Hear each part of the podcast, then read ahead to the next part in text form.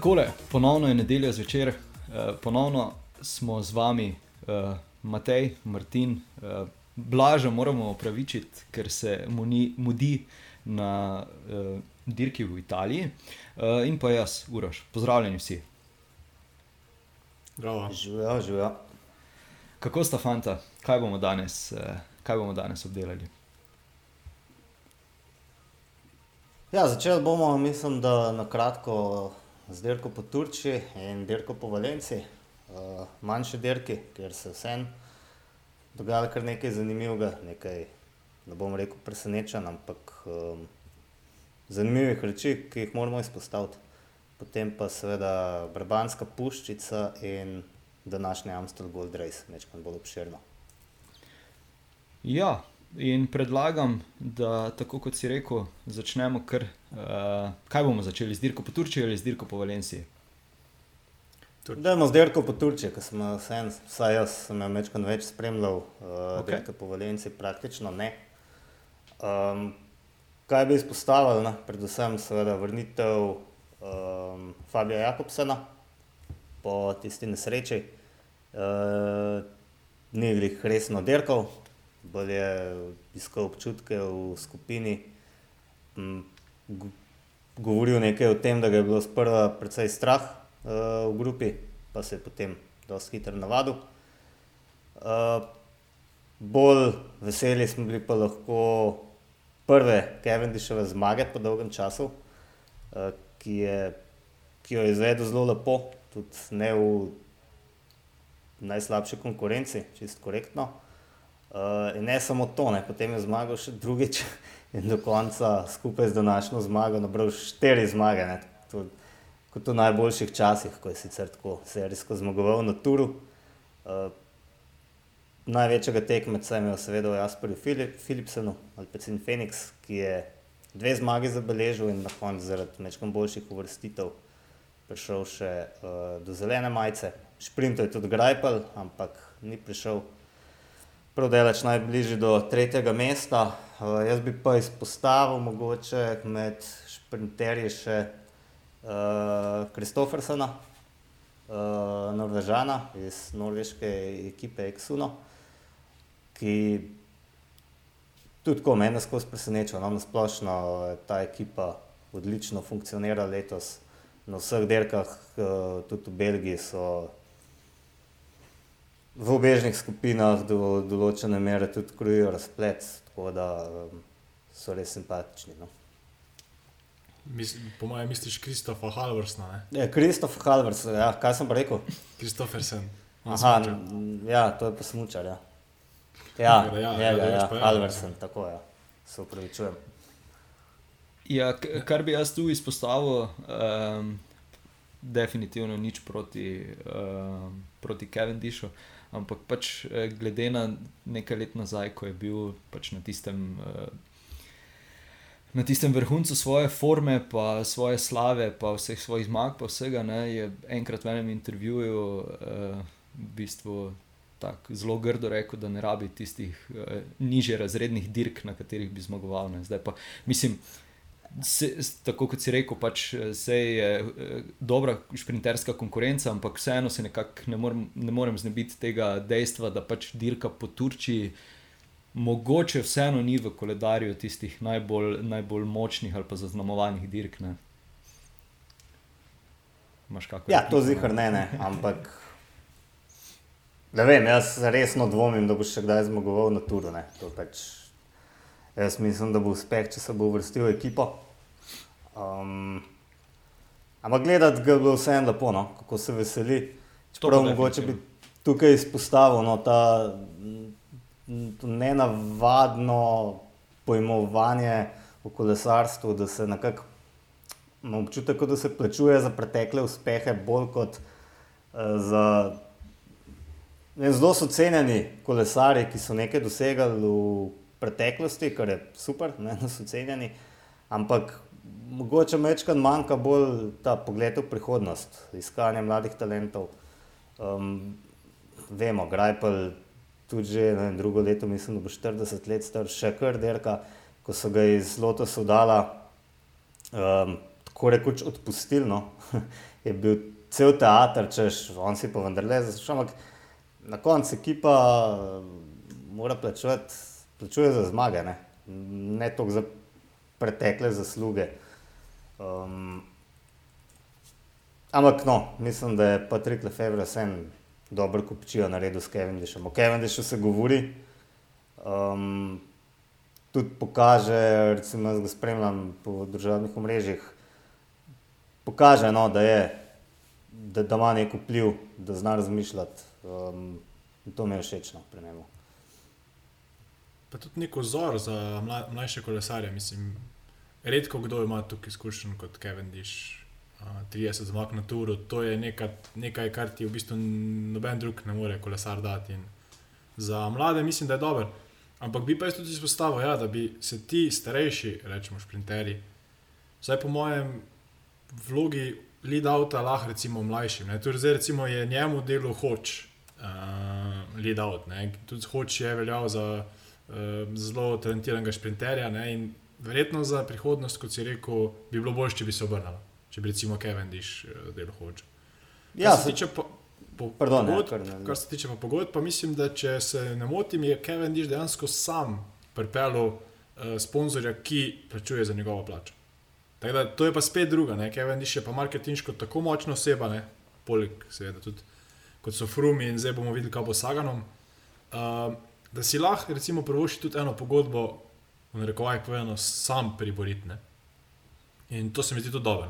Pač Bi pa, bi pa to celo ekipo drugače, recimo, jaz probo zapeljati kot, kot mentorja uh, za mlade, in ne pa obratno, da v bistvu zdaj mladi recimo, delajo za njega.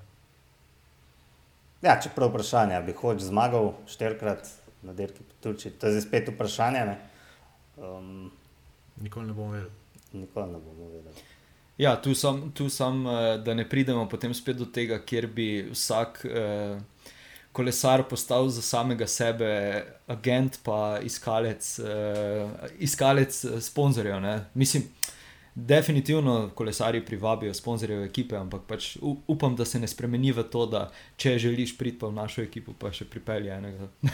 da, ne Ne, bo, ne, upam, da, ne bo, da ne bo zašlo v to smer. Okay, um, ja, ekip, skupi, ja, ekipa Delko je zmagala z Jose Manuel Diazom, skupna zmaga.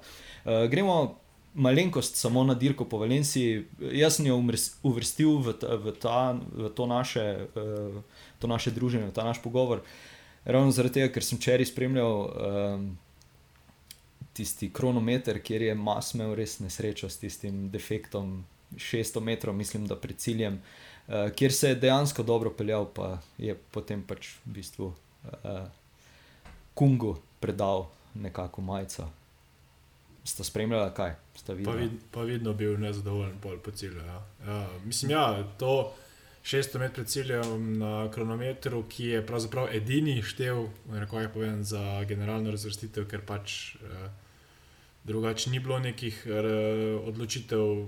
Če pogledamo samo prva dva, Kinga pred Oliveiro, vidimo, da dejansko kronometer povedo vse, ker sta to dva pač čista kronometrista.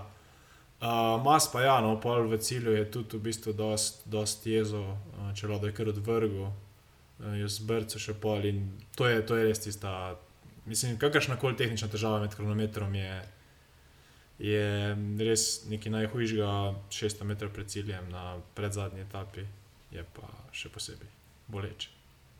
Ja, obenem so pa take reakcije, pač, sorry, butaste. Ne. Če bi se to zgodilo našima dvema, Bojani. Pogačarju ali pa Rogliču, uh, vemo, kako ona dva prenašata take stvari. Pač stoično, šampionsko, um, mas pač očitno ne. Um, zdaj, Künk je zmagal, večkrat po sreči, ampak je dobro odpeljal. Um, Definitivno. On, on ima eno težavo, se mi zdi, da težko zmaga. Ne? V redu, je odličen kronometrist. Um, ampak na klasikah smo pa videli, kako je močan, pa mogoče po svoje podoben um, kančelari. ne. Uh, pa se bo po drugi strani vedno zelo težko znebil ne vem, Van Arta, uh, uh, Vanderpula, ne govorimo o Ala Filipu. In zato mu to res provoščam, no, to zmago, kakršna koli že bila. Uh, ja, je pa Demar dosegel dve zmagi. Uh, moram res priznati, da, da, da me je dirka po Valenciji zdaj presenetila malo v programu, zaradi tega, ker je bila takrat v štartu uh, planirana februarja, pa potem nisem neke, nekih posebnih. Uh, ja, nisem ji namenjal posebne pozornosti, da bi videl, da je bila dejansko za dva meseca zamaknjena, sem mislil, da je generalno odpovedana. Uh, Uven, ja, Caleb Uven. Pa uh, tukaj mislim, da je Martin tole, tole napisal, slaba forma po odličnem rezultatu na San Remo. Ja, mislim, takrat smo vsi govorili, ne, da je nekako nas presenetil uh, z rezultatom. Um, in potem je na tej dirki po Valenciji dejansko dvakrat premagal uh, Arno Demar, danes je bil Evan šele šesti. Um, ja, v drugi etapi tretji in vse skupaj ni, ni nakazoval na njegovo vrhunsko formo. Daleč od tega, da je bila ta dirka verjetno v njegovem koledarju visoko, uh, pripravlja se uh, menda tudi za tur.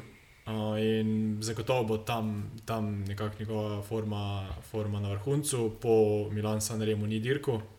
Ampak vseeno, za, za moje pojme je uh, Evan številka, sprinter številka, vsaj ena ali dve, skupaj z Benetom, sta za mene trenutno najboljša sprinterja. In tudi v taki formi se mi zdi, da bi vseeno mogel uh, biti uh, vsaj tam kot Demar, recimo, če, če ne celo boljši.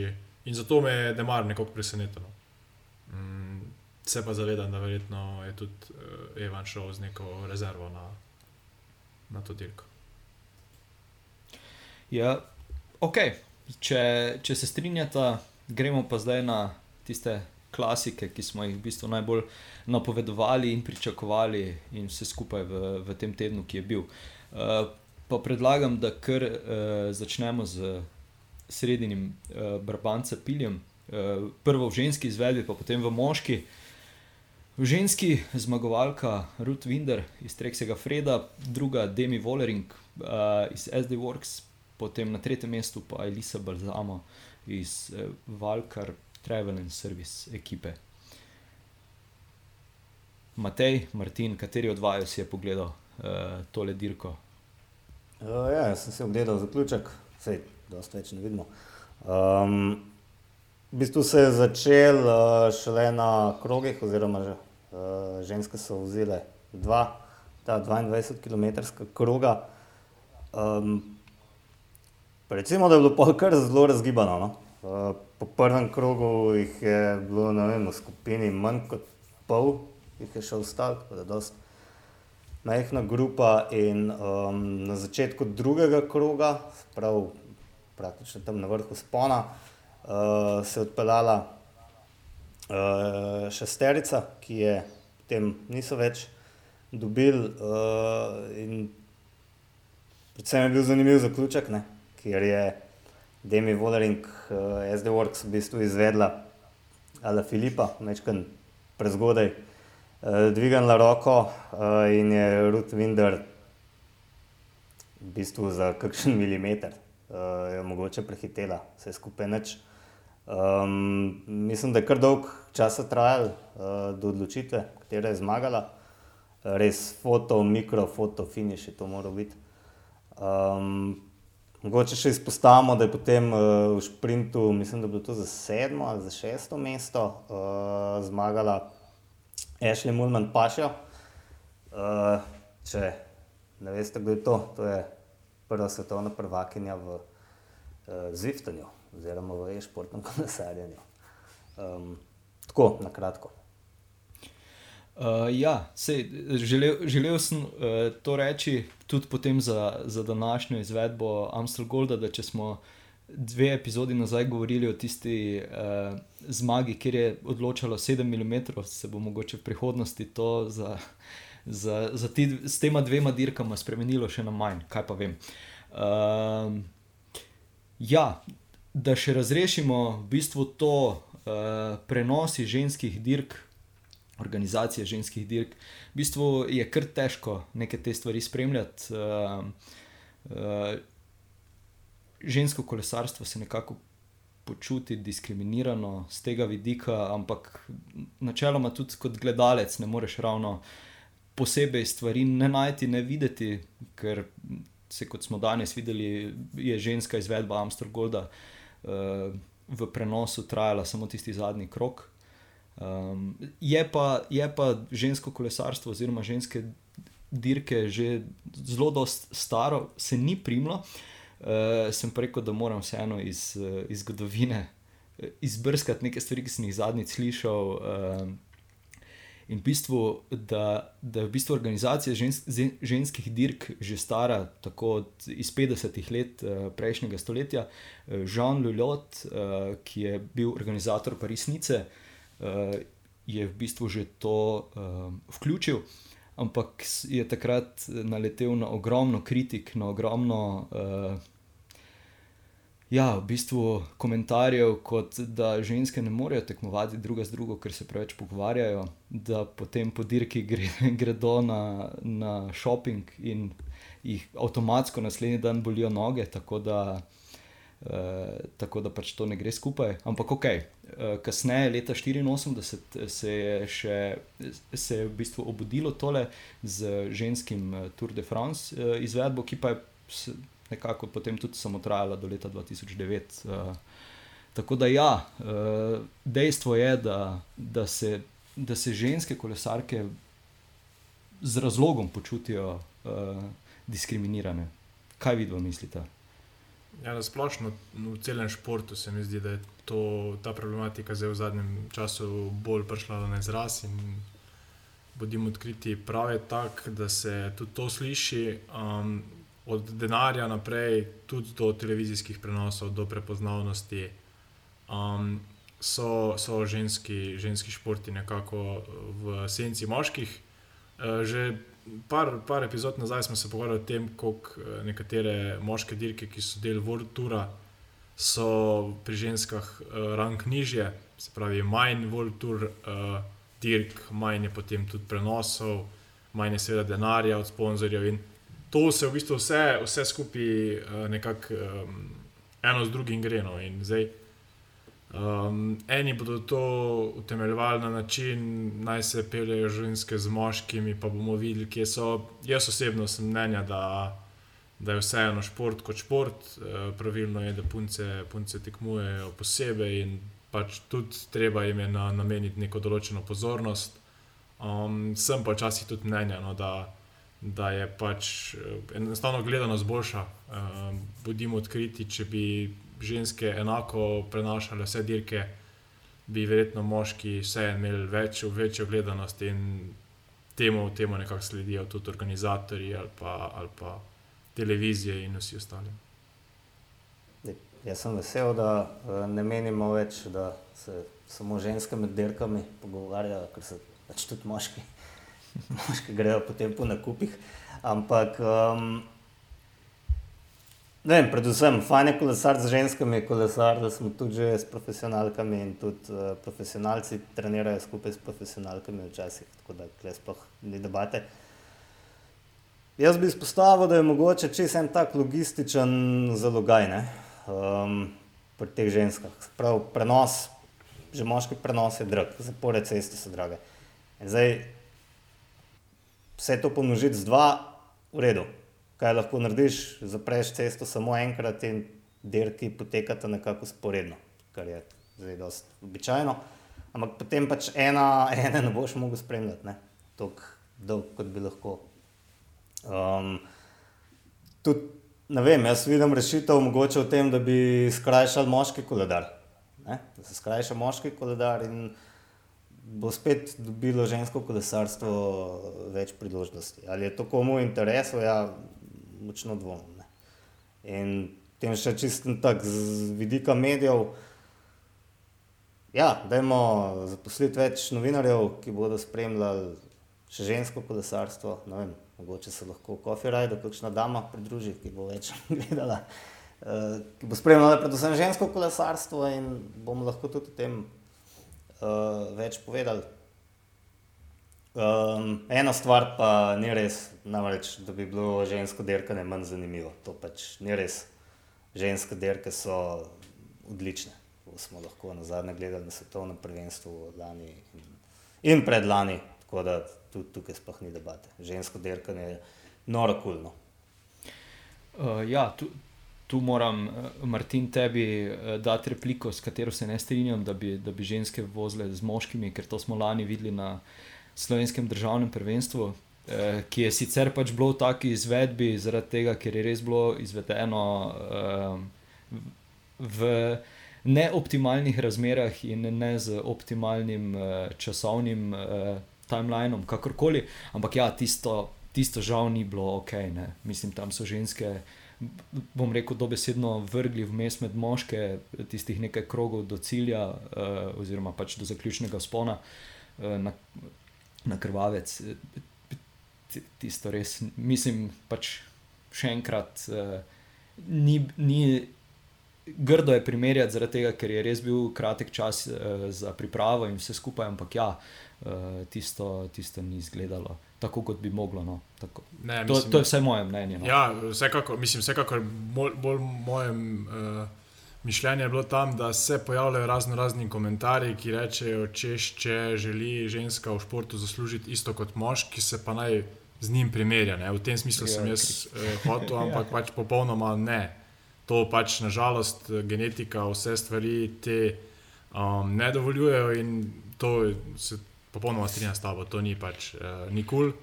Um, in dejansko je se pol še sam hitreje, če daš, recimo, tako si rekel, na, na krvavcu, daš ženske vozi z moškim, še hitreje se vidi mogoče ta razlika in pa spet eh, se pojavljajo tiste govorice, ja, sedaj pa vidite, kje ste. In to se, to se mi zdi popolnoma narobeno. Um, pač šport je tako različen uh, moški in ženski smo si tako različni, da, da enostavno mora biti ta razlika in ne sme pa pol pri vseh, pri denarju, pri pozornosti, pri vsem tem, to ne smeš gledati eno na eno, ampak se pač to treba na nek način prilagoditi uh, čim bolj enakopravno. No. Vse to je želja. Kolesarke in kolesari so plačani za to, da nas zabavajo, ne, ne zato, ker so vem, eni hitrejši od drugih. In zabavamo se lahko med ženskimi in moškimi dirkami. Jaz bi mogoče izpostavil, da čez zimo, ko sem spremljal ciklokros, ni bilo enega ciklokrosa, ko si ne bi ogledal in moške in ženske dirke v celoti. Ne? V celoti žensko dirko. Ampak je laže, ok, prvič je kompleten prenos in drugič zadeva traja eno uro. Jaz sem, sem vzel najprej čas za žensko dirko, potem sem si skuhal kosilo in si pogledal še moško. Spremljaj ti Amsterdam Gold Race, vsega skupaj, ne vem, kaj je to 8-9 ur dirkanja. Lej, ni šans. Ne. prideš skozi, zakaj naj se odločim, za nekaj sem moral. Ne. Um, ne gre. Ne. Definitivno. Ja. Uh, ja, zdaj uh, nekaj vas spremlja v živo, tisti, ki spremljate v živo, ali pa tudi tisti, ki ne spremljate v živo, lahko seveda nam napišete po vašem mnenju, ali pa vaš komentar, ali pa vaše vprašanje okrog tega. Bomo poskusili nekako. Uh, odgovoriti, če bomo le znali. Jaz pa predlagam, da uh, gremo naprej na moški, uh, Brabant spil. Uh, presenetljivo, uh, presenetljivo prvo mesto, Tom Pitcock in Neos Grenadiers, uh, Wout van Art. Iz Jumbo Vizme na, na drugem mestu, in pa Mateo Trentin iz uh, UAE, Team Emirates na tretjem mestu. Presenetljivo sem rekel zaradi tega, ker uh, je nekako kazal dobro formo, uh, Tom Pitcock. Um, nisem pa si mislil, da bo, da bo v tem primeru uh, odšprintal Van Arta. To je moj tek na, na, tisti, na tisti zaključni sprint. Jaz mislim, da Tom Pitcock derka tako, kot se pač pričakuje od nekega mlajšega kolesarja, ki je resnici na ljubo prvo leto med uh, profesionalci, prvo leto v World Touru um, naredi kakšno napako, da se zgubi, kot je sam rekel. Mislim, da se je zgubil tudi na derki po Flandriji, pa tega nismo umeli. Mislim, da je bila derka po Flandriji, tudi nekaj lutov. Pa, pač naredi kakšno napako, ampak um, močanje pa košusne. Um, mislim, da nas je prvič frapiral uh, sezoni ciklokrosa, ko je v Havreju, to je legendarna ciklokros derka, ena najtežjih, z ogromno klanca, uh, pač premagal vse, ne?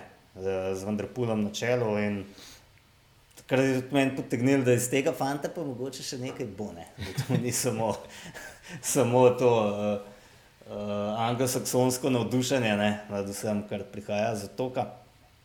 Um, in tako bi rekel, da tam na Brabantski puščici je uh, Valta Vanerta ne premagal, tam ga je uničil. Um, šprint je bil nor, mislim. On je odšprintal enega najboljših šprinterjev. Um, in ne pozabimo, da je on v bistvu dirko naredil. On je naredil dirko, on je tegnil tri ključne poteze. Um, če tisto prvo 40 km pred ciljem še lahko, mogoče bi lahko kdo rekel, da je bila mal um, uh, škakljiva, kako se to po slovenski reče. Um, Kočljiva. Kočljiva. Um, ker glih mečkam prej je bil en ogromen padec in takrat je cel dekonin quick step postal nekje zadaj. Jaz mislim, da Pitcock tega ni vedel, on je pač takrat truknil in, um, in napadel. Um, potem je uh, za sabo je potegnil Valta Vanerta in Trentina, oni so potem priključili tistemu pobegu. In najbolj zanimivo mi je, da takrat potem na lepem Pitcock ni več izgledal prav dobro. On je že tako mečko odpadel, glih, zubni še parjel zraven in se si mislil, evo, spet je konc, spet je zamočil. Um, evo, spet, pač mlad kolesar.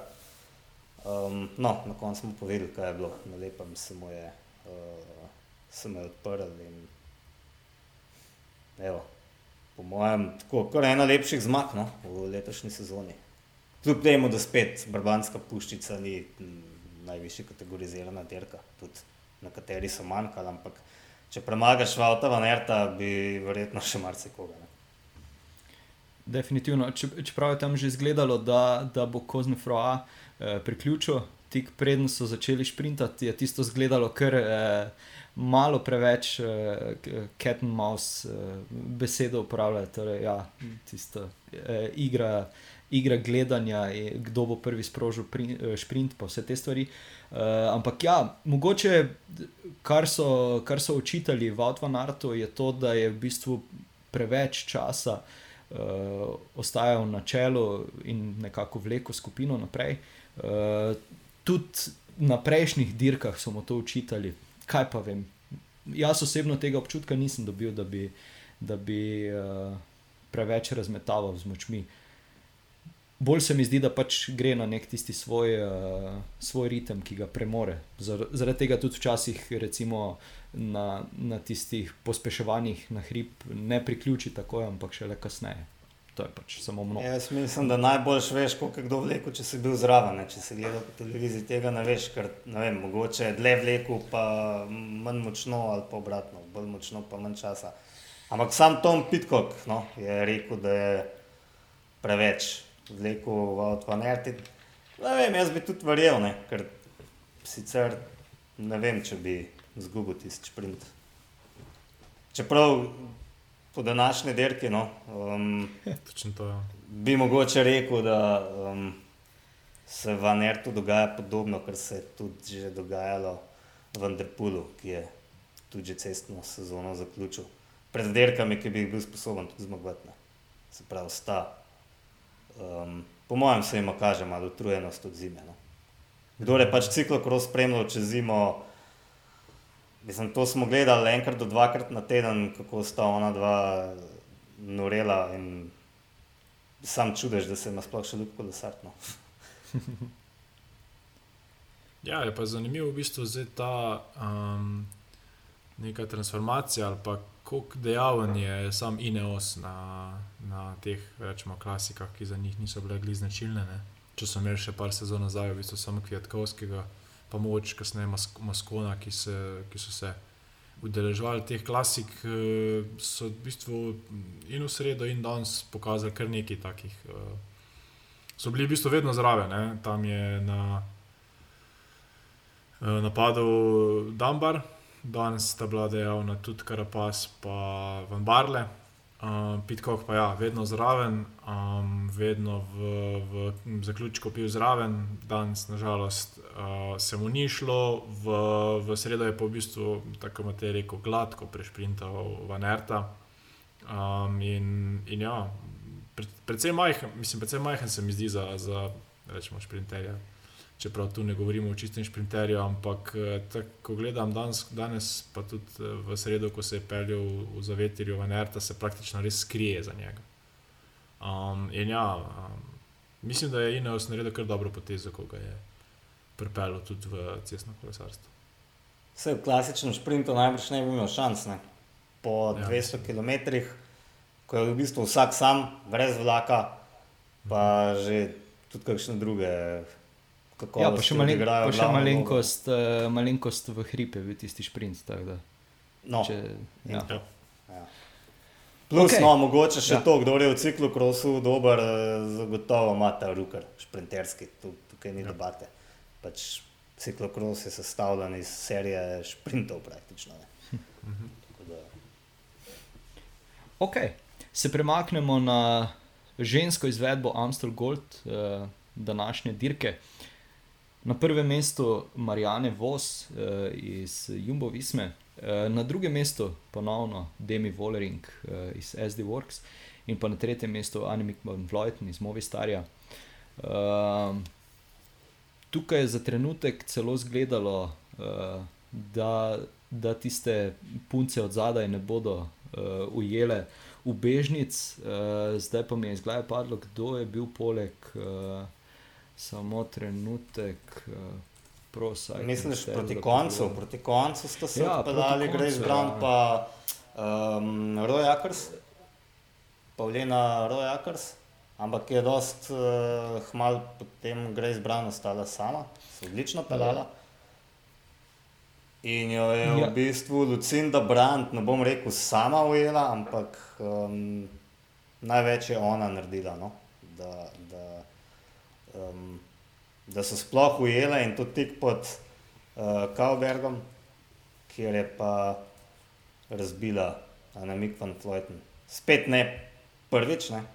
že prej je na Kaubergu razbila uh, Derko in takrat za sabo pustila Ano van der Bregen. Ne vem, se, uh, to sem pa bral, no, kaj se je prej dogajalo, že od začetka je bila neka akcija in kaj se je zgodilo na Mikvan, Fluten in Cecilija Utrup Ludvik sta nekako ustale zadaj in kot da so to spredaj vedle in takrat pohodile, uh, ujele Bek, ki je bil že prej dosti spredaj. Um, no, potem je pa na Mikvan Fluten dvakrat v bistvu na Kaubergu uh, Derko uh, raztrgala in um, Zanimivo pa je, no, da sta res noro, je Kasija Njevija doma na, na zadnjem klancu, zadnjič na Kauberg potegnila. Um, zraven je potem nekako prišla Longo Borgini, ampak v zaključku nista, uh, nista sodelovali najboljši. To se mi je zgodilo. Na koncu je prišlo do. Ja, delovalo je kot da bi, ne vem, po mojem, bi lahko prišli v cilj samem, ne vem, zakaj se nista mogli zmeniti, ali sta bili obe mrtvi najbrž. Um, in ja, na koncu je bil pač šprint, ki je Marijane Vos, no vem, kot da nima konkurence, ko pride do takih sprintov. Nevija doma je, je nekaj govorila, uh, Longo Borgini, tako da čisto na, čisto na limitu s svojimi uh, močmi ni bila, ampak ni pa dobila konfirmacije oziroma sodelovanja z njene strani. Razburjala se je. Preveč ste se pogovarjali. Ne, ne vidiš, pa smo tu. Ne, več ja. pa ja, Marjan Vos, pa ko pride do šprinta, mislim, da je vsem jasno, da, da težko nekako uh, izgubi. Uh, in tudi danes ni bilo, ni bilo nekega dvoma v zaključku, da najverjetneje je ona glavna favoritinja. Ja, mislim, dejansko zelo. Eh, potem, ko so še pokazali uh, tisti helikopterski posnetek uh, njenega pozicioniranja, pa vsega je super, vse skupaj res uh, izvedla tako, kot mora. Okay. Um, se premaknemo na, na moško izvedbo Amstel Golda, ali še, ali še povemo, kaj, glede ženske izvedbe smo še kaj pozabili. Ja, da je bila Demi Wolering spet druga. Ne? Ja, sej, ampak Čeprav tokrat, tokrat ni, saj ni ja, mahala. tokrat ni uh, vsekala ala Filipa Ja, pa Mavi, Mavi Garcia je zaključila, um, zaključila na šestem v, mestu. v prvi grupi, ja, tako da tudi uspeš, uh, uspešen dan za našo ekipo. Definitivno. Uh, ja, smo veseli, da so, da so naši zraven tudi v tej obliki. Absolutno. Ja, uh, moški Amster Gold, uh, zmagovalec, uh, kot se je lahko že izpred nekaj minut zvedelo, uh, Wout van Aert iz Jumbo Visme, na drugem mestu Tom Pitcock uh, in Neos Grenadiers, uh, in pa na tretjem mestu Maximilian Šahman uh, iz Bora Hans Groh. Um, tudi tu so se na koncu uh, malo igrali, uh, malo cat and mouse. Uh, tudi je za trenutek se zdelo, da, da če bodo še sekundo, dve več ostali uh, v, tem, v tem gledanju med sabo, da jih bodo od zadaj dobili. Uh, ampak ja, uh, gremo raje. Kaj pa vem, koliko, uh, nekaj kilometrov nazaj, kako se je v bistvu vse skupaj, uh, kako se je dirka dejansko razvijala. Z moje strani uh, bila sta zelo aktivna Mohorič in pa Tratnik, uh, super jo je bilo videti. Uh, Jan je izgledal uh, zelo, uh, kako bi temu rekel, zelo pripravljen, imel veliko uh, naboja v nogah. Sicer na koncu uh, mu je malo zmanjkalo, ampak vseeno je, je to izgledalo zelo, zelo uh, samozavestno in uh, v bistvu jih je kar nekajkrat dobro razpotegnil tam uh, na, na tistih klančkih. Nekaj berg bom te, rekel tem klančkom, ker jih je bilo polno. En cel krok, mislim, da je bil pravzaprav med tistimi glavnimi, ki so bili. Um, Velikrat je sicer pokrival, uh, ampak vsak, vsakič, ko je pokril, je še recimo potegnil. In parkrat, enkrat se je celo malo večja skupina, tam na devetih kolesarjev nabrala, ampak nekako ni se jim uspel nabrati, recimo iz vsake ekipe, da bi Jumbovi smo imeli enega, Emirati enega.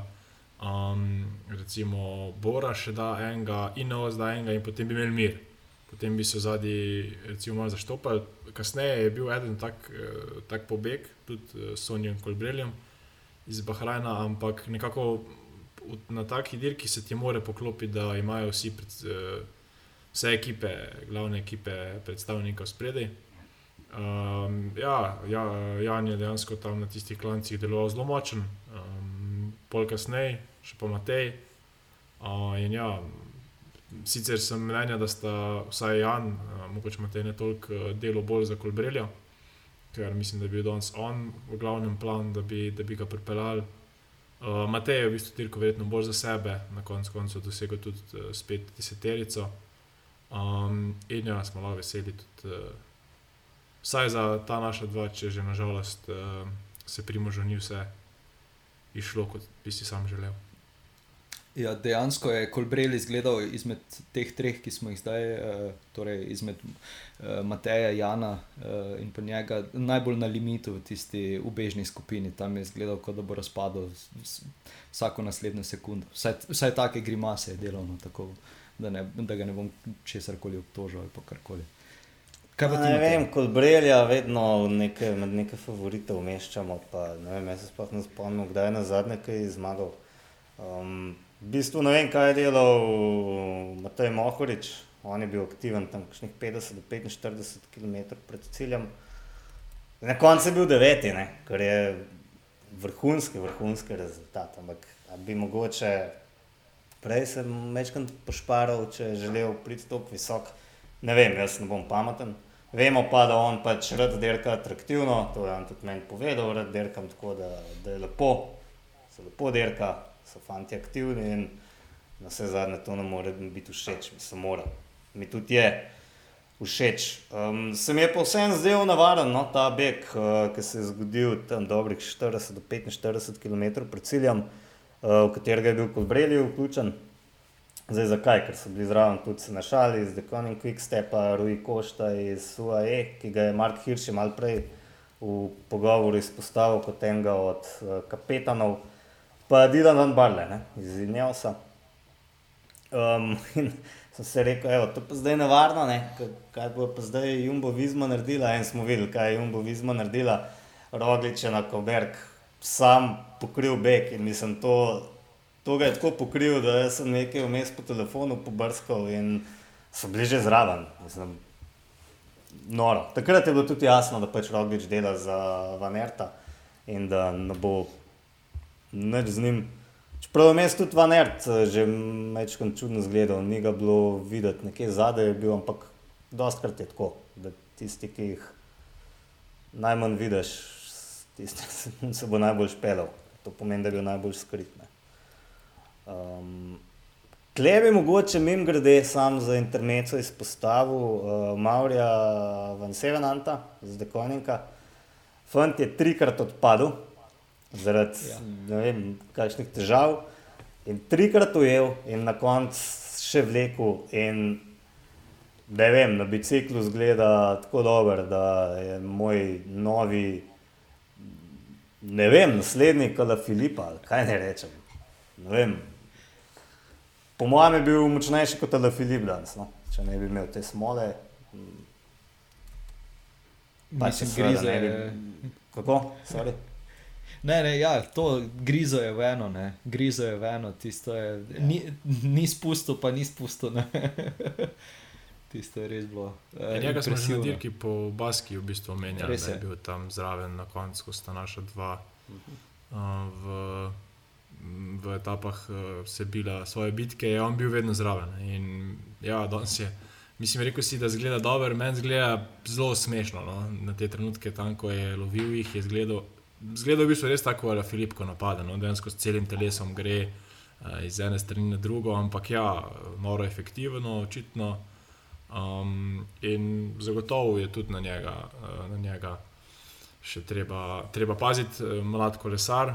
Um, in danes je res, tako si rekel, od mislim, nekih defektov, um, ta menjalnik. Padel je. Mislim, pe, pe, ja, sploh ni mogel, sploh ni mogel prešaltati na klanc, je pel v najtežji prenosu. Um, potem pa na koncu dejansko lovil obežnike. ne. Um, in ja, to take. Take akcije so nam, ljubiteljem kolesarstva, zagotovo všeč in danes mislim, da si je kar nekaj uh, navijačev pridobil s, temi, s, temi, s, te, s to predstavo danes. Se Patrik Lefebvre ga omenja um, ob uh, seveda omiljenem Remku Evenpulu kot enega od temeljev uh, ekipe ne, za prihodnost. Um, sta tudi, recimo, imate neke podobne karakteristike in boste lahko super skupaj sodelovali. Um, ja, uh, kar sem želel še prej povedati, je to, da je v bistvu, uh, kot si rekel, uh, Matej Mohorič, uh, dirka atraktivno. Tudi eh, malenkost je ponovno pokazal te svoje spostaške sposobnosti, ker se je tam uh, peloton eh, razpotegnil na zelo dolgo kačo, ko se je spredi postavil. Uh, pa to, to na kak način je, na kak način je Primož. Uh, pokril tisti, tisto luknjo, oziroma uh, ujel tisto skupino, je bilo zelo, zelo, zelo impresivno. Je pa stvar, ki smo jo izpostavili že med sabo, preden smo, preden smo šli tukaj v živo, preden smo šli snemati, da se zelo veliko krat zadnje čase pojavljajo uh, te crash modi.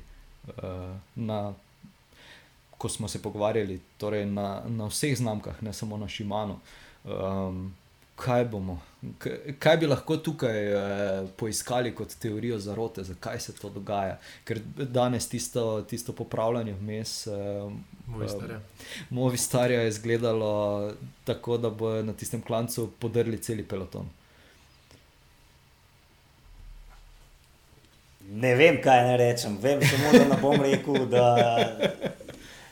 da je elektrika sram. brez veze in da, in da, in da pejte nazaj nazaj, da ne, ker to je neumnost.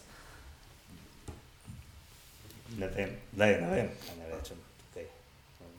Mislim, zadnje čase se to res veliko krat dogaja. ne. Mislim, to, to, to zdaj pač ni več sam stvar, kjer bi rekel, uh, ja, se zgodi, glej, uh, bo zdaj boljše, ampak se mi zdi, da se na, na vsaki dirki vsaj nekomu naredi, če ne večjim. Ne? Danes, recimo, se je večjim to naredilo. Da, da zgolj zaradi tega ja, eh, bi mogoče šli nazaj, nazaj pa, bi, pa, bi, pa bi prihranili ta stres, ampak valjda, da bo vsak. Eh, eh Oziroma, da bodo proizvajalci silili k temu. Da... Interesi so tudi drugi. Ne? Se tudi vemo, da kako hitreje se navadne bremze menjajo. Mislim, kolesa so se menjala prej, zdaj se to traja veliko dlje.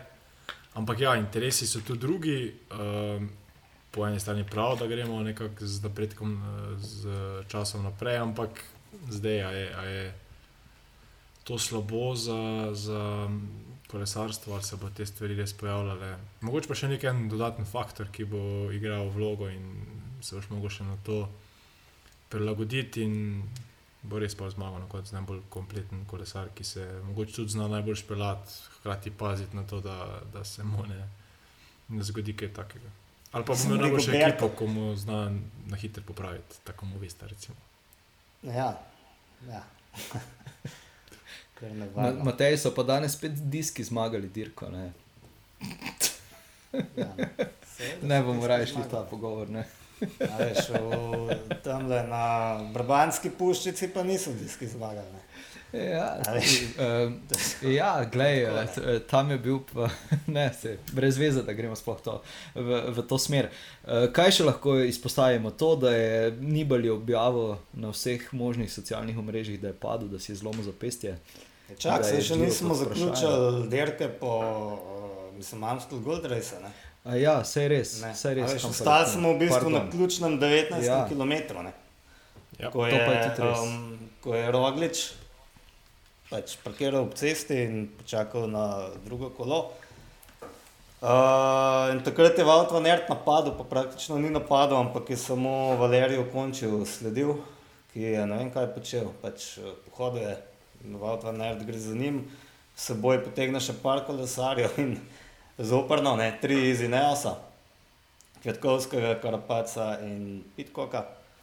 In mislim, da je bila ključna poteza, da je pet potem, malo potem Kvetkovski se odpeljal, um, kar je prisilil ostale, da so lovili, to je naredil sicer Maksimilijan Šahman, vse je od takrat odpihnilo, razen Vanerta in Pitkoka.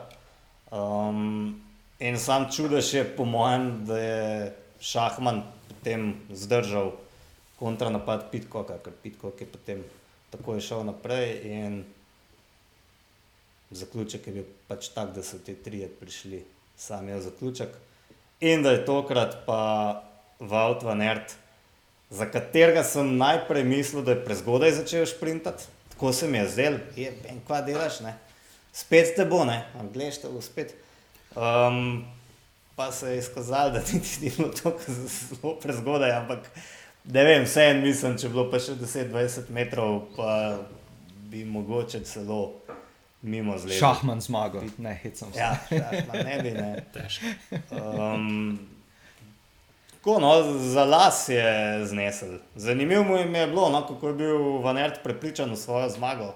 Um, uh, Medtem ko Pitkok ni bil čest prepričan, da je izgubil, vsaj tako je izgledal. Še neka zanimivost, zanimivost, pazi. Uh, Vaut van Ert je mandat dirkal s številko, s štartno številko 13 uh, vseeno zmagal. In še nekaj, najslabši letos je bil 13.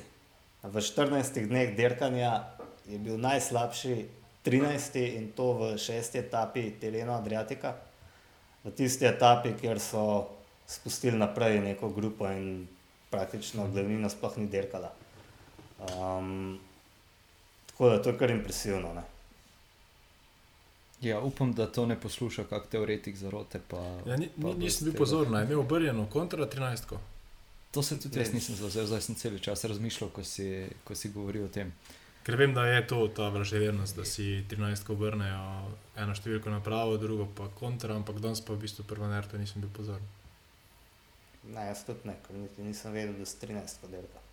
Ja, enako je. Ja. Dokler nisem prebral kasneje. Ampak ja, res je, res je dosti zgodaj štartov. Glede na to, da je bil na prvi poziciji, bi lahko enostavno samo čakal na, na prvi napad. Vemo, da v osnovi, v, v samem šprintu bi Pitkoka mogel prehiteti mogoče je bilo tudi strah, uh, da se ponovi scenarij, ampak tudi jaz sem bil mnenja. No, Polk je šel pit, kot mim, sem že bil, ok, to je konc, ampak je še na koncu tudi Vanert zvlekel tiste zadnje metre in na koncu je pa odločil, ne vem, tudi kdo ima daljše roke, kdo bolj sune sprednje kolo naprej in ja, pet minut po. po Zaključko je ta dirk, ki smo še le zvedeli, kdo je v bistvu zmagovalec. Mi, ko smo gledali um, posnetke iz strani, um, bil je Pitkok bliže kameri in je zgledal, kot da je Pitkok dejansko zmagal. Um, Medtem ko je pa že bilo kar kmalo na grafiki napisano, da je Vanert uh, dobil dirko, ampak nekako nismo verjeli. Mislim, pač. So v prenosu kazali nekega komisarja, ki je na telefonu gledal sliko, dejansko sploh niso dobili v, v prenos realne slike, fotofiniša in dost eh, zanimivo dogajanje. Po, A nisi najbolj bedno končal ta prenos? Nisi najbolj bedno končal ta prenos, ker dobeni vedo. Ja. Niti komentatorji nista vedela, če, če je res Van Art zmagal. Eh, dali so že eh, grafiko, da je Van Art zmagal, potem da Ker je hiter, to ja. provisional result, eh, ni bilo eh, fotofiniša, mislim. Ja potem pa se vse skupaj konča in ne veš, zdaj, kaj točno ja, je. Greš v ni... studio, še oni ne vejo, studio. ja. uh, greš na Instagram, Jumbo Visma že ima objavljeno, da je uh, Valt van Art zmagovalec. Uh, ja, pač uh, zanimivo, zanimivo. Uh, predvsem to, da, da, ni, da ni bilo fotofiniša še tako dolgo časa. To, ne vem, kaj so ustvarjali tam. Mogoče pa niso bili pripravljeni na to, da bo Če kamera crknila. Mogoče še to omenimo, da se je na dirki po dolgem eh, času pojavil tudi um, človek na neplačenem dopustu, Tom Dumoulin. Res je. Sicer ne v kolesarskem drevesu. Um, Še dve sekunde je trajalo, da sem ga prepoznal, ne? ampak eh, tisti dve sekunde sem si mislil, da je ta le pa samo čaka, da bo konc, da bo šel končno čez cesto. Neki leder jakni z rokami v žepih, on čaka, da bo šli kolesari, vem, tako kar hecno. Ne? Ja, v bistvu je zanimivo, dejansko, kader je prav njega pokazal in jaz nisem bil, ne zdaj, čekaj, kdo je to. Niste ga prepoznali. Jaz, jaz pač tako je Matej rekel, sekundu, dve. Potem sem ga prepoznal, ampak uno, ko je pa najprej kader šel na njega, sem si mislil, zakaj zdaj nekega človeka.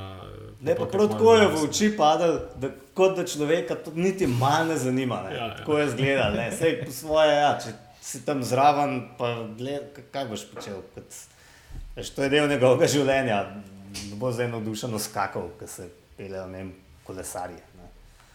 Kako bi pa to zgledal? Ja, pa to je bilo na takem delu, ko so se dejansko verjetno pelali, spet ne, 50 km/h in njega sred vasi in ne moš niti pozdraviti ali kaj takega, da bi bil na klancu ja. vsaj sekundo več. Eh. Ampak ja, eh, zanimivo. No. Se mislim, da se je pelo v avtu prej in je polo v bistvu tam na tistem delu dejansko počakal. Aha, je bil v avtu. Aha, ja, mislim, da sem, če sem prav komentatorjev ujel, mislim, da je bil VIP avto. Ampak... Nisem pa um, to je bila njihova domača ja. dirka, verjetno so za kakšno promocijo naredili. Ja. Se boji, da je šlo tudi skozi dvorišče uh, Matija Vanderpula uh, ali nekaj takega, kar so tam govorili. Uh, ja, koga še nismo omenili? Ne, ne, ne, ne, to so poimenovali uh, tisto cesto, okay. ker ga je on pohodil v tisti brutalni okay, zmagi. Okay. Ja, ja, ja, potem, ker, potem sem pa jaz. Ne vem, če se popelaš, da se okay. še zdaj vsi čudimo, kako mu je to uspelo. Pač kar poimenuješ po njem cesto. Ne? Ja, pač. uh, Luka Mezgec uh, je tudi bil, končal je na 97. mestu, uh, Michael Matthews je zasedel četrto mesto. Uh, tako da so fanti dobro delali. Pač ni, ni mu uspela zmaga, ampak vseeno uh, dobra uvrstitev za, za Greenwich Cycling. Pa spet, Valverde peti, kar je odlično. Ali Filip šesti, kar pa ni tako odlično. No, mene letos, ne vem, ali Filip Glik ne, ne navdušuje. Kako on je enkrat zmagal letos, ne samo. Um, pa tudi ne kaže, kot da se bo zdaj dvignil ne, na zadnjih dveh dirkah, ki sta mogoče mu najbolj pisani na kožo doslej. Ja, Uh, smo sedaj končali, da gremo dalje na napoved teh dirk, ki jih, eh, ki jih čakajo, ali še kaj omenimo, da ne bom jaz uh, spet. Uh, res je, da sem prej prehitro štartil, ampak vseeno vprašam. Se ni bolje, nisi zaključil, da zdaj poveš. Ja, ja, ne vem, si je zelo zapesti ali si ga ni, na neki operaciji je bil, pa Džiro je pod vprašanjem, pa vse je pod vprašanjem. Mogu pa stiska že nekaj po Instagramu. Mogoče na socialno mrežo objaviti, zato ker po polici povem, tako mi nismo spremljali dirke po Valenciji, tudi mogoče kdo drug ni ne, in je mogel upozoriti na to, če slučajno kdo ni videl, ja, padel sem. Um, tako da ja, to zdaj je spet uh, špekulacije, ali bo, ali bo za Giro narediti ali ne, ne vemo. Sej, um, to, so, to, to je še, mislim, da malo prezgodaj. Ampak zapestje je, zdaj ne vem. Zdaj, Primerjam lahko samo s Primožem Ramo, Primož je po vem, 14 dneh že spet dirko in to dobro dirko zmagal, zdaj ni bali, če v letošnji sezoni nič, ki je pretesljiv, ga ni pokazal in zdaj spet uh, vprašanje, kaj ta, to zapestje pomeni, kaj bi brez tega paca bilo, ampak ja, bomo videli. No. Giro, Giro je relativno blizu, definitivno si ni, si ni želel nekaj takega v tem obdobju. Matej, še imaš ti kak, še imaš ti kak komentar za to? Ja, ne, nimam škoda. Ne, Mislim, ne vidim razloga, zakaj bi se kaj izmišljal. Pač smola, nesreča, neumnost, kako že rečemo. Žal mi je, ker bi ga kar umeščal med favorite za dirko po Alpah, ne? Um, pa ga zdaj ne morem in sem v zagati, ko bomo prišli do tega poglavja našega podcasta. Ja, in torej, ja, e, napoved za prihodnji teden. Torej, uh, ja, valjda, valjda, gledaj, ker skočimo na to. Uh, torej, ja, dirk po Alpah. Uh, tukaj je Martin napisal listo tistih, ki so, uh, ki so pretendenti za, uh, za dobra mesta, torej Aleksandr Vlasov, Peljo Bilbao, Hugh Carty, Dan Martin, Jay Hindley, uh, Daniel Martinez. Quintana, uh, Tibo Pino, uh, Simon Yates, uh, pa Felix, Felix Grošartner. Uh, ja, bomo videli, kaj bo Pino ustvaril tu. To, izmed vseh teh mi je, moram priznati, da je on najbolj padel v, v oči. Kot glavni favorit. Ne, ne, ne kot glavni favorit, ampak predvsem to, ka, kako se bo peljal. ja, Ima pa simpatične kozice. Ja, to pa zelo. To pa zelo. Nisi videl slik? Sem, sem, seveda sem. Všeč mi je, da se fanti ukvarjajo s čim koristnim, poleg kolesarstva. Jo, jo, jo, jo. Um, ne, drugače pa, če smo malo resni, jaz bi tukaj eh, kar tega, ki je prvi naveden, eh, izpostavil, po mojem mnenju, kot glavnega favorita in to je Aleksandr Vlasov. Ok, ok, kaj pa ti, Martin? Jaz bom v bistvu šel izven tega, seznama a, in bom v bistvu napovedal um, Pavla Sivakova. Ok. okay. Um, hm. Zdaj, ko tukaj gledam, uh, bom pa jaz rekel Hugh Carty, pa da vidimo, kako se mu bo uh, odpeljalo. Ti in angliški komentator. Ja. Ja, vse. Uh, danes mi je bilo prav smešno, ko so, ko so bili uh, v Begu, pa je pokazalo Pitko, pa sta komentirala, wow, kako dobro se pelje, sploh kot da ne bi dihal. Vse. Ja, ja. Potem pokaže Van Arta, ki je v mojih očeh gledal enako kot eh, Pitcock, pet sekund prej, oja, Van Art pa tukaj na koncu s svojimi močmi uh, ne more več, vidi se mu. Da... ja, ne, ne, ne verjetno star, jaz mislim, da so. Zakon so, zakon so. Ok, uh, valonska puščica v sredo. Uh, ja, izmed tega seznama. Uh, Primoš Roglič, tedaj Pogačar, definitivno izstopata, ker sta naša slovenca. Potem pa ponovno Alejandro Valverde, Uh, ja, Richard Carapaz, ki se je tudi danes dobro peljal, Julian Alaphilippe, uh, Julien Martin, uh, Jakob Fulsang, uh, Adam Yates, Mark Hirši in pa uh, Šahman, ki je bil danes uh, na tretjem mestu. Zdaj, uh, tukaj bom si jaz uh, v tem trenutku vzel uh, to priložnost, da, da, da prvi izberem tistega, za katerega mislim, da bo zmagal. Pa bom kar uh, rekel, da, da bi znal to biti primož, sploh glede na, na to, kaj je pokazal danes. Bom tako rekel. Ja, jaz tukaj ne morem reči, da bo kdo drug, ker se ponoma strinjam, da mora čez dole. Ne samo glede na to, kar je pokazal danes, ampak tudi na dirki po Baski, da po mojem ne bodo vodil, da bi uh, Pogačar mem njega zlezel. Jaz bom pa rekel, da kjer se prepirate, dva, tretji dobiček ima in da bo zmagal Master C. Spet ali kaj? Oh. Mislim, ja, če kje je la zmaga, la zmaga tu, ne. Če kje je la zmaga, la zmaga tu, ne. Mislim, ne vem, vse jaz in se strinjam z vama, da, da bo Primož prvi favorit in da bo verjetno tudi njegov največji izzivalec. Ampak če ne bo stavno dva, bi pa prvo šel, da, da zmaga Alejandro Valverde. Ja, mislim, se, se tudi on se zelo, zelo dobro pelje. Ja, ampak bo neki četrti, povsod. tretji, ne, to verjetno je že zdaj jasno. ampak Ja, Probaj. mogoče pa želim Martin preseneti. Ali pa se Ala Filip zbudi iz zimskega spanja. Ja, sej, glej, na koncu bo, bo kakala Filip zmagal, kot, kot se nam vedno zgodi s temi napovedmi. E, to bi mogli prav neko, neko grupo na Facebooku ustanoviti, tisti, ki želi samo zgubiti denar, naj nas vpraša za nasvete. Ja, samo ta Eh. valonska puščica je res ena taka dirka, da,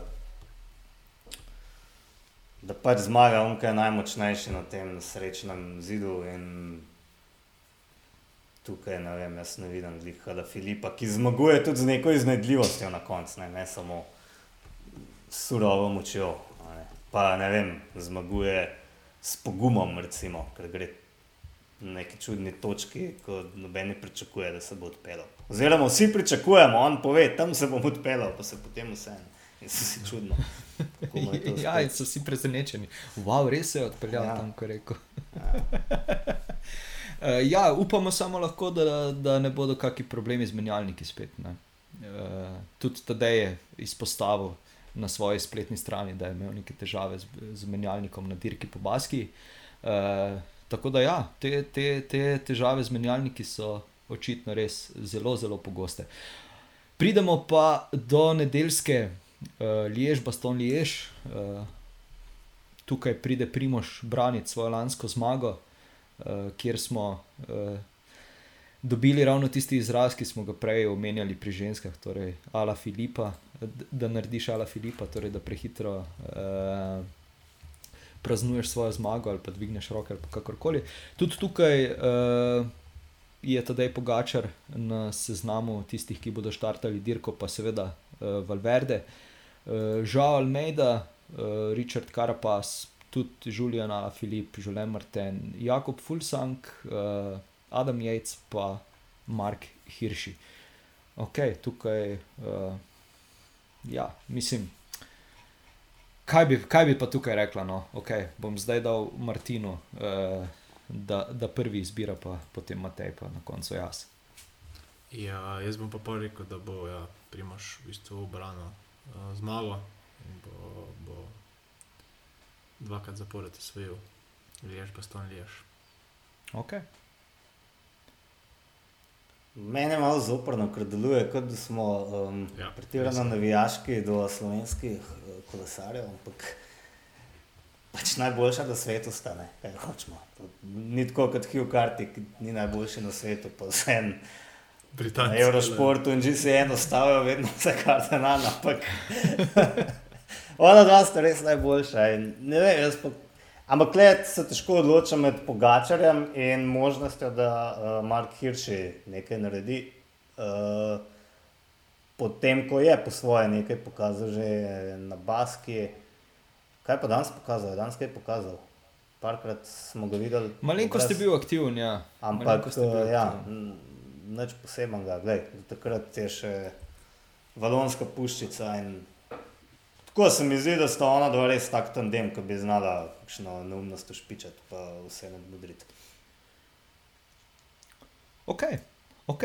Um, ja, z, z, strani eh, napovedi dirk in naših pretendentov za zmago, uh, je to, to za, to, za to epizodo, zdaj pa smo prišli do tistega uh, zaključne, skoraj zaključnega dejanja, zaradi tega, ker je še prej rubrika, kaj je tokrat naredil uh, Buhani.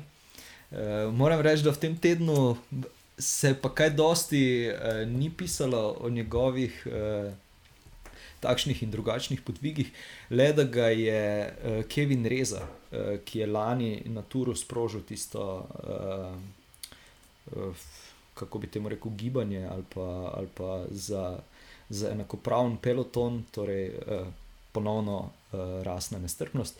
Torej, Kevin Reza, da, da povemo, je temnopavti kolesar, ki pravi, da se tudi že celo življenje spopada ravno s takšnimi težavami, kot jih je opisal Buhani. Tako da, ja, mislim. Tako kot smo že v prejšnji epizodi rekli, to še vedno ostaja velik problem. Uh,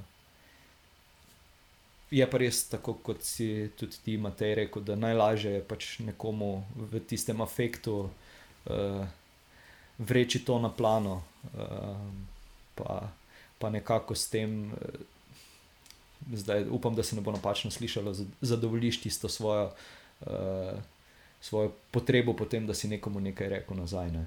No, ampak, sej, če smo prav razumeli, Buenija so ga zmerjali že prej, ne? in tudi, je ja. razo pač zmerjajo že od nekdaj, pa nikoli ni, ne vem, nikomu nič žalega storil. Um, tako da to, to je problem. Ne? Tukaj je bil samo problem, da je to na dan privlekel, uh, bo ni takrat, ko bo najmanj treba. Um, Definitivno. Samo to. Ne? Ni pa nič dirkal, ne? zdaj že dolgo. Ni pa nič dirkal, ja, res je. Verjetno ne bo. Čeprav, ja, na dirki še... po Franciji je prijavljen, zdaj le gledam. Ja, ja, mislim, potem, potem bo ta imela eh, skoraj enak premor s primožem. Točno. Ja. Ampak še o tem, kaj rekel? Ja, eh, lahko. Kako lahko. namerava postati Primož Roglič prvi, ki bi rad zmagal dirko po Franciji, ne da bi predtem dirkal. Se pravi, če prav razumem, bo po Lež, Baston Lež šel na, um, temu se nareče dopust, ampak na neke resne priprave za dirko po Franciji, ne da bi prej nabiral kilometre um, na pripravljalnih dirkah, kar sta običajno dirka po Švici, uh, dirka po Dauphineji in v zadnjem času, če dalje bolj, uh, dirka po Sloveniji. Zdaj, če bomo tukaj pometovali, uh, bomo spet preveč pametni, ne? ampak um, Jaz to odločitev po svoje razumem, glede na to, da se mu je v zadnjem času dogajalo, da mu je forma padla uh, proti koncu in da potem tudi v tistih derkah, ki so sledile turu, um, običajno ni bil vrhunski. Ne? Recimo lani na svetovnem prvenstvu smo skozi samo čakali, da bo odpadel od tiste grupce spredaj, pa sreče ni, samo zahvaljujoč njegovi trmi. Um, Redno se mu je to dogajalo in po mojem gre tukaj za to, da bi to preprečili. Um, vemo, da tudi na, na resnici je v bistvu dosti pozno začel, pa se ni videl, da ne bi imel prej v nogah uh, dirkanja. Ne? Razen pač nesrečnih padcev, ki se pa lahko zgodijo vedno. Do meni se zdi ta ja. odločitev zanimiva malo je mogoče škoda, ker bi ga z veseljem videl že prej, ki je zmagati. Ampak um, bomo videli, no. če, če se pa to ne bo izkazalo za pravilno, bomo pa lahko potem grozno pametni ne. in um, upam, da ne. No. Uh, ja. Um... Ne vem, kako bo z, z državnim prvenstvom, pa vsemi temi stvarmi, uh, če bo na to prišel dirkat ali ne, to še ne vemo. Uh, drugače pa ja, mislim, jaz se strinjam s tem, da, da če gredo komu dirke brez pripravlja, pripravljalnih dirk, mislim, da, da gredo ravno njemu. No. Vsaj v preteklosti je že nekajkrat uh, to dokazal uh, oziroma se je to videlo, da, da v bistvu ne rabi tako kot nekateri kolesari, kaj pa vem, uh, eh, 14 dni dirkanja za to, da se, da se upelje v v tisti tekmovalni ritem. Um, drugače pa ja, da se pa navežem na to, kar si rekel, da bomo grozno pametni, je ravno tisti, tisti mem z Krisom Frumom, ne, kjer se pogovarja s svojim trenerjem, kaj bi naredil. Pa, pa mu trener reče: Glej, ne vem več, kaj bi ti svetoval, najboljše, da gremo v Facebook komentar eh, sekcijo, pa tam preberemo, kaj, kaj narediti s tvojim treningom. Uh, bomo videli, kaj bo, kaj bo tudi Frum dejansko naredil, zdaj, če se stran od Primoža nave, navežem. Uh, me tudi njegova forma zanima, kako jo bo stempiral z vsemi temi stvarmi. Ampak ja, zanimiva odločitev. Uh, na dirki po Sloveniji, pa kot je Bogdan Fink razkril, se bolj pogovarja z, z Tadejem Pogačarjem, kot pa z, z Primožem. Ja, se Primož očitno ne bo dirkal. Pač. Ja. Ja. Ja, mislim, meni se res zdi, no, da on tudi na začetku sezone pride, pride relativno dobro pripravljen, nima teh težav z uvajanjem, z navajanjem na dirkanje. Um, zdaj, da se navežem na to, lani po turu, ne pozabiti, le je dobil Liež, pa ston Liež. Um, tudi na svetovnem prvenstvu se je peljal z kolesari, ki so na takšnih dirkah, na dolgih dirkah, rečemo klasikah, precej boljši kot on. Uh, ampak ja, uh, mislim, ne vem, zdaj spet lahko je biti pameten. Bolje je to, da se bo probal izogniti kakim nehvaležnim pacem ali pa rečemo tem, tem zadevam, da dejansko do tura pride čim bolj, čim bolj spočit. Uh, In mislim, da, mislim, čeprav je to zanimivo, ne, čeprav to ni stalna praksa v kolesarstvu, da, da greš ti direktno na največjo dirko v koledarju, um, bi to pri Primožu se lahko šlo. Ne. Ampak ja, tako si rekel, najlažje bomo pa čez uh, dobre dva, tri mesece, vse smo rekli. Ne. Sam ne vem, uh, veš, kaj bo, če, če mu uspe ne, in potem drugo leto noben bo hotel dirkati. Ja. pa bo pa lahko krajši. Ker veš, vedno sledijo zmagovalcem. Ne. Ampak zanimivo, mislim, zdaj, da se pa vrnem nazaj na, uh, na začetek leta, torej januar, takrat, ko, ko je Jumbo Visma objavila koledar kolesarjev, pa vsega. Jaz ne vem, kako se takrat ni doben čudo tistemu napovedanemu koledarju, kjer je dejansko pisalo ravno to, kar, na kar se zdaj obešajo. Uh, bom, rekel, bom rekel vsi, ne, da, da zdaj po poljež, baston jež, ne bo šel nikamor dirkati. Mislim, ta program dirk je že cel čas zapisan. Ne, ne vem, so mogoče mislili vmes, da se bo kaj spremenilo uh, ali karkoli, ne, ampak zdaj to izpostavljajo kot neko hudo. Uh, neka huda sprememba v njegovem urniku, uh, koledarju, kakorkoli. Uh, ja, bi lahko samo na, za nazaj rekel, kaj ste štiri mesece nazaj gledali, ja. ko, so, ko so objavili tiste, tiste koledarje. Uh, tako da, ja, bomo videli. Bomo videli. Uh, gremo zdaj na, na, na tisto, uh, sta pripravljena, kakšno vprašanje. Ja. ja, ok. Kdo bo začel prvi? Bom jaz, navezuje okay. se na lež, baston lež. Okay. Um, komu in na katerem klancu so postavili spomenik ob trasi lež, baston lež? Pojma nimam. Uh, največkratnemu zmagovalcu, ki okay. je dirko dobil petkrat leta 69, 71, 73 in 75. In to je bil seveda eden edini Edi Merks. Tako da še že večji kolesar ima spomenik postavljen na da je stoko. To je, uh, jaz sem tam bil, to je grozljivo strm klanc, kratek, strm, takrat je še držal, brutalno. Je pa spomenik tak, no, če se boste pogledali na internetu. Um, tako da sem najprej mislil, da je ena opica vozi to kolo.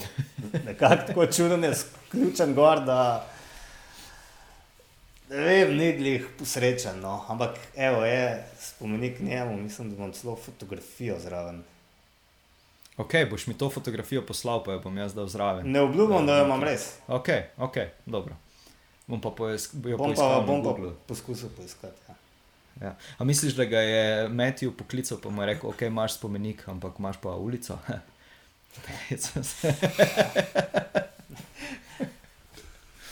Ok, kulsko, kulsko. Martin, izvoli. Moje vprašanje se navezuje na Marka Cavendisha. Uh -huh. Pa me zanima, če iz glave veste, koliko ekip, uh, za koliko ekip je dirkal v World Touru v svoji karieri in kje so te ekipe.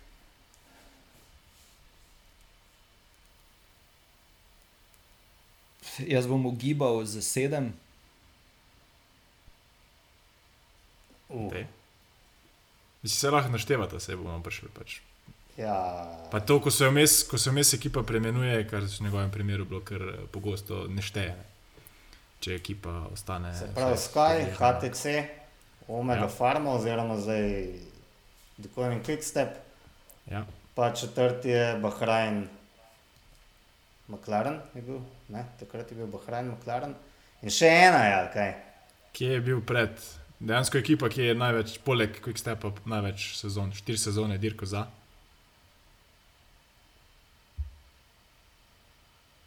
Uh, Le zdaj. Uh, dimension data. Tako. Ja, seveda, ne ja, veš, točno, ne. ja, shit. z- Dejansko z- ne gleda dirko. No. Ko sem se jaz debilno popraskal po glavi, ste to povedali. uh, Ja, dejansko pet, pet, pet, pet ekip. Uh, imena so pa spremenila kar velikrat. No. HTC je v njegovem trikrat zamenjal, uh, Quickstep tudi trikrat, če štejemo še zdaj. Uh, Dimension Data je pa ostala štiri sezone, ko je dirkal Team Dimension Data. Se to je ta problem kolesarstva, da potem sploh ne veš, kje je dirko Ja. ja. in eno tako veliko ekipo kar spustiš. Kaj s tem, v bistvu HTC, no, mislim, jaz bi moral vedeti, ampak običajni ljudje pa ne morejo. Ne. Ja, jaz za HTC, jaz za HTC osebno nisem vedel, jaz bi začel preskajati. Um, za HTC se ne bi niti če nazaj spomnil. Ampak vse je v bistvu Dimension Data je danes Quebec Asus ali Danes je kubeka, ases tako. To sem vam hotel pol pomagati, pa sploh nisem vedel, da bom na robe vam pomagal. Okay, ja. To so Okej. v bistvu ju- južnoafričani. ne. Mhm. Ok, ok. Uh, torej, še ostanem samo jaz s vprašanjem. Uh, danes, ko sem iskal tisto, uh, tisto zgodovino glede uh, ženske izvedbe dirke po Franciji, pa vseh teh stvari, je bil v bistvu ta Žan uh, Luljot, upam, da sem prav, uh, prav prebral. Uh, ampak če lahko reče Adam Blight Mohorovič, Mohorovič. potem Pa kokrat, cel prenos. Ampak ja, cel Vse prenos. upravno. Pol lahko Pa- rečem še jaz tako. Pa Ker bi je pol prav rekel, ne? ni da bi poslušal. ne. Tako Da, ampak ja, Uh, Storja, ste opazila, kako je bil hudo oblečen, Adam Blight. Ja, Una bela jakla, ki sem najprej mislil, da je pelc. Pa. Noro. Ej, sorry, uraš. Ni Povej. panike, ni panike, vse super, vse super. Torej, ja, eh, Žan je bil v bistvu velik inovator. Uh, v bistvu, on si je tudi zmislil uh, to, da je da, uh, ime prolog, uh, pa kronometer, pa vse te stvari. Uh, torej, da se krajši kronometer imenuje prolog, uh, plus še, uh, mislim, da tudi tisti zaključni kilometr, oziroma zdaj 3 km za območje Paca na dirkah, pa vse te stvari, zelo, zelo uh, domiseln pop, lahko rečemo. Uh, Zmislil si pa je tudi, uh, sicer leta 1968, uh, na dirki eno, uh, eno stvar, ki se k sreči, lahko rečemo, ni primla. Uh, sponzorirala uh, jo je ek, uh, v bistvu hm, tovarna uh, smoči, bomo tako rekli, torej kot da bi Elanto sponzoriral na kolesarski dirki. Uh, zdaj pa eh, bom vam dal nekaj poskusov, oziroma vam bom uh, kasneje pomagal z enim namigom, pri katerem bo ta pa potem. Po mojem, takoj vedela, za, za katero stvar gre. Torej, kolesar je bil na koncu nagrajen z nagrado kot najboljši Roglič je bil smučarski skakalec, to verjetno ni. Ne? Ne. Koliko, a se, mislim, se je dejansko to pol uporabljalo kaj časa, ali sploh ne? Uh, ja, na, na izvedbi leta No, 1968 se pravi, se je uporabljalo, ni ni se pa, ni se pa spomniti, okej, ja. prijelo. Uh, bom pa potem povedal, zakaj se ni prijelo, ker če zdaj povem, bo ta, Ja, ja, bo, koliko. boste vedela. No. Se pravi, ena posebna kategorija na dirki, ki, ki so dali posebno nagrado. In to bi bilo v interesu s trgovi, mislim, firmi, ki se ukvarja s sm- s smučami. Ali. Ja. to nima veze?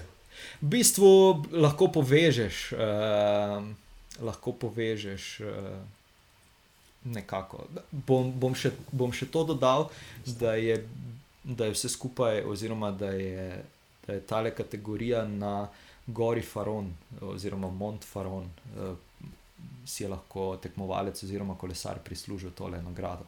Najhitrejši spust. Ja, bravo, evo. Torej, ja, kot najhitrejši spustaš. Uh, in potem v bistvu v opombi piše: Thankfully for rider safety, this downhill innovation didn't survive. Kako so pa to merili, kaj s štoprcem? Huh, Mrtvi čas. Ja, mislim pa, Matej, pol ta tvoja pod vprašanja. Ne, No, za- ne, veš kaj, zanima me, kaj so naredila. Pol Leta dol 68. še- A veš, ti imaš grupo, pa ne vem. Ja, se ja. Uh, Mislim, lahko tudi kdo je bil prvi. Ne vem, Možno sam, tudi, da je, da je prvi prišel sam cilj.